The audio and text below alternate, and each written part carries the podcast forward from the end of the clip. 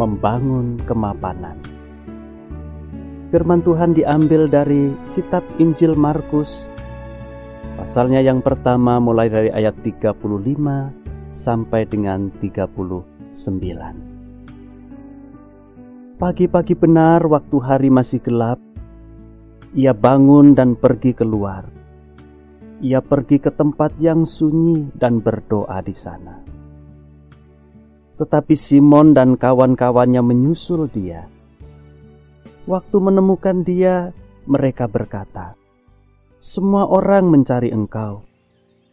Jawabnya, "Marilah kita pergi ke tempat lain." ke kota-kota yang berdekatan, supaya di sana juga aku memberitakan Injil, karena untuk itu aku telah datang. Lalu pergilah ia ke seluruh Galilea dan memberitakan Injil dalam rumah-rumah ibadat mereka dan mengusir setan-setan. Saudara-saudara yang dikasihi Tuhan, banyak orang ingin hidup mapan dan nyaman Hidup mapan dan nyaman adalah cita-cita atau tujuan hidupnya. Berbagai upaya dan cara ditempuh untuk mencapai tujuan itu. Namun, sebagai murid Kristus, apakah tujuan hidup kita adalah kemapanan dan kenyamanan dalam dunia ini? Pagi-pagi benar, ketika hari masih gelap, Tuhan Yesus bangun, pergi keluar ke tempat sunyi dan berdoa. Ketika kebanyakan orang sedang menikmati kenyamanan, Tuhan Yesus bangun dan pergi keluar. Ia berdoa kepada Bapa yang telah mengutusnya ke dunia. Tampaknya ia tidak ingin terkurung dalam kenyamanan, sehingga lupa akan tugas panggilannya.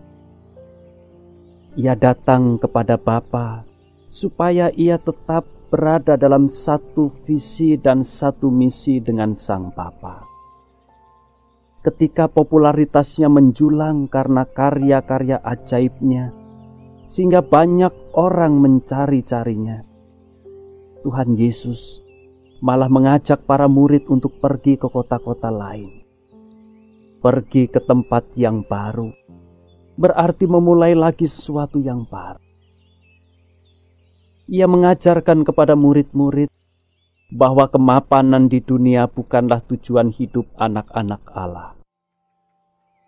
Tujuan panggilannya adalah memberitakan Injil kepada sebanyak mungkin orang.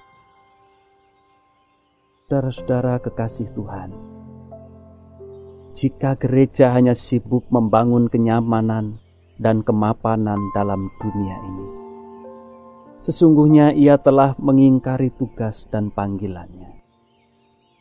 Tugas dan panggilan gereja adalah meneruskan berita Injil kepada sebanyak mungkin orang di dunia ini. Gereja yang terjebak dalam kenyamanan dan kemapanan akan menjadi gereja yang mandek atau berhenti, tidak bergerak. Saudara-saudara yang Tuhan Yesus kasihi, gereja yang hidup adalah yang setia menjalankan misi Allah. Amin.